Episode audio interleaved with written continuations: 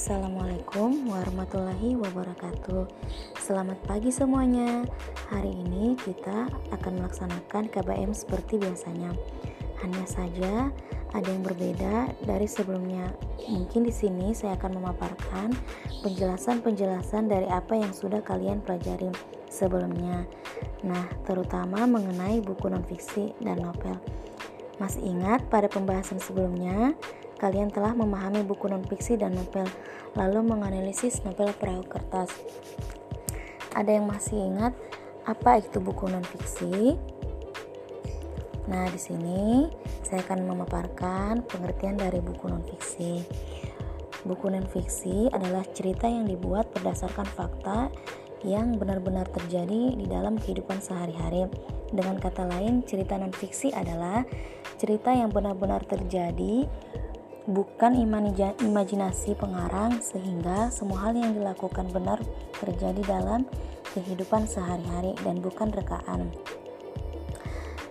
Lalu, struktur non-fiksi. Apa itu struktur non-fiksi? Struktur non-fiksi hampir sama dengan struktur novel, yaitu ada tiga struktur sebagai berikut. Satu, orientasi bagian ini bersih tentang pengenalan tokoh yang terlibat dalam cerita dan bagian ini pula menjadi bagian awal dari penjelasan dari teks cerita fiksi di sebuah novel. Yang kedua, urutan peristiwa berisi urutan peristiwa yang terjadi dalam cerita mulai dari awal permasalahan dan sampai akhir permasalahan.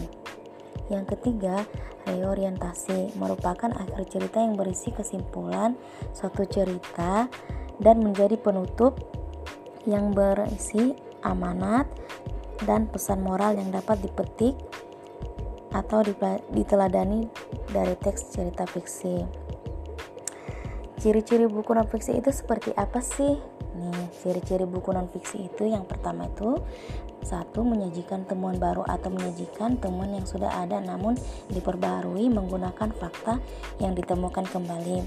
Yang kedua, ide yang tertulis secara jelas dan sistematis. Yang ketiga, menggunakan istilah asing yang kadang dicampur seperti handphone gadget. Kaidah kebahasan buku non-fiksi. Yang pertama itu menggunakan kata baku yang terkesan resmi dan format. Lalu cerita yang dituliskan terkesan santai, cerita demi cerita yang terjadi di kehidupan sehari-hari. Yang terakhir, mengungkapkan kata asing dan kata yang belum termasuk kata sarapan. Buku non-fiksi sendiri dibuat berdasarkan fakta ya. Walaupun berdasarkan fakta dan kenyataan, bukan berarti buku non-fiksi ini tidak bisa diresensi. Oleh sebab itu, hal utama yang harus diperhatikan adalah memahami unsur non-fiksi. Tentu saja, kita sudah mengetahui buku apa saja yang termasuk fiksi dan non-fiksi. Salah satu contoh buku non-fiksi adalah uh, buku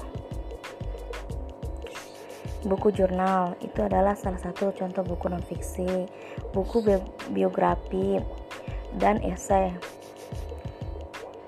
Lalu, e, ibu di sini akan melanjutkan pembahasan tentang novel. Apa sih novel itu? Ada yang tahu tidak novel itu apa? Nah, novel itu saya akan jelaskan pengertian dari novel.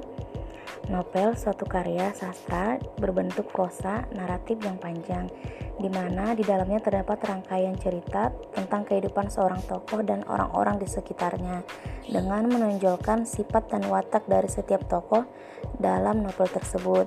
Ada juga yang mengatakan bahwa pengertian novel adalah suatu karangan berbentuk prosa yang di dalamnya terdapat unsur intrinsik dan ekstrinsik. Tidak seperti cerpen, cerita pendek, isi cerita sebuah novel jatuh lebih panjang dan kompleks, serta terdapat pesan tersembunyi yang ingin disampaikan pada pembacanya. Secara etimologis, kata novel diserap dari bahasa Italia yaitu novella, yang artinya sebuah cerita, sedangkan orang yang menulis cerita novel tersebut sebagai novelis. Lalu, di sini juga ada ciri-ciri novel. Seperti apa sih ciri-ciri novel itu? Apa kalian sudah memahaminya? Nah, di sini Ibu akan menjelaskan ciri-ciri novel itu. Adapun sebagai berikut. Yang pertama, pada umumnya novel terdiri dari sekurang-kurangnya 100 halaman atau jumlah katanya lebih dari 35.000 kata. Kedua, novel ditulis dengan suatu narasi dan deskripsi untuk menggambarkan suasana kejadian di dalamnya. Yang ketiga, alur cerita di dalam novel cukup kompleks dan terdapat lebih dari satu impresi, efek, dan emosi. Yang keempat, umumnya setiap orang membutuhkan waktu setidaknya 120 menit untuk membaca habis sebuah novel. Yang kelima, cerita pada sebuah novel bisa sangat panjang namun terdapat banyak kalimat yang diulang-ulang. Lalu ada yang sudah tahu struktur novel? Ya, struktur novel itu pada suatu novel terdapat beberapa elemen yang membentuknya menjadi suatu cerita yang utuh. Adapun struktur novel adalah sebagai berikut. Yang pertama, abstrak, yaitu ringkasan inti dari sebuah novel sebagai gambaran awal. Unsur ini bersifat opsional, bisa digunakan dan bisa juga tidak. Yang kedua, orientasi, yaitu segala hal yang berkaitan dengan suasana waktu dan tempat yang terdapat di dalam cerita novel. Yang ketiga, komplikasi, yaitu urutan beberapa kejadian yang dihubungkan berdasarkan sebab akibat. Yang keempat, evaluasi, yaitu struktur konflik yang terdapat pada novel di mana konflik yang terjadi mengarah ke suatu titik tertentu. Yang kelima, resolusi, yaitu bagian di mana terdapat solusi terhadap masalah yang dihadapi oleh tokoh utama dan novel. Yang keenam, yaitu bagian akhir suatu novel di mana di dalamnya biasanya terdapat pesan atau nilai moral yang ingin disampaikan kepada pembaca. Apa saja sih unsur-unsur novel? Apa kalian sudah membaca sebelumnya? Yang materi ibu bagikan sebelumnya kan sudah ada di sini. Unsurnya ada unsur intrinsik. Unsur intrinsik novel itu apa sih? Semua unsur berbentuk novel yang berasal dari dalam novel itu sendiri. Beberapa yang termasuk di dalam unsur intrinsik novel di antaranya ada tema alur latar tokoh penokohan, gaya bahasa, dan amanat.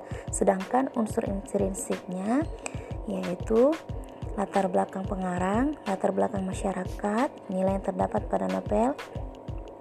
Nah, itu saja. Dan semoga kalian sudah memahami dari yang Ibu berikan podcast ini dan juga dari materi yang Ibu berikan sebelumnya. Kalian sebelumnya sudah memberikan jawaban dari tugas yang ibu berikan yaitu menganalisis perahu kertas. Nah, di sini ibu ingin kalian membuat uh, tugas yaitu membuat novel tapi uh, cerita pribadi yang pernah kalian alami gitu. Dan novel tersebut uh, kalian harus mengikuti struktur-strukturnya bagaimana pembuatan novel tersebut apakah pesannya tersampaikan oleh pembaca apakah ada hal-hal yang bisa dipetik dari cerita novel kalian tersebut yang bisa dibuat untuk mm, menjadi misalkan membuat si pembaca menjadi terinspirasi dari novel yang kalian baca tersebut. Nah, kalian. Di sini kan tugasnya membuat novel uh, semoga kalian semangat ya belajarnya selam, semangat untuk mengerjakan tugasnya. Jangan sampai ada yang tidak mengerjakan tugas. Karena ini untuk penambahan nilai kalian. Terima kasih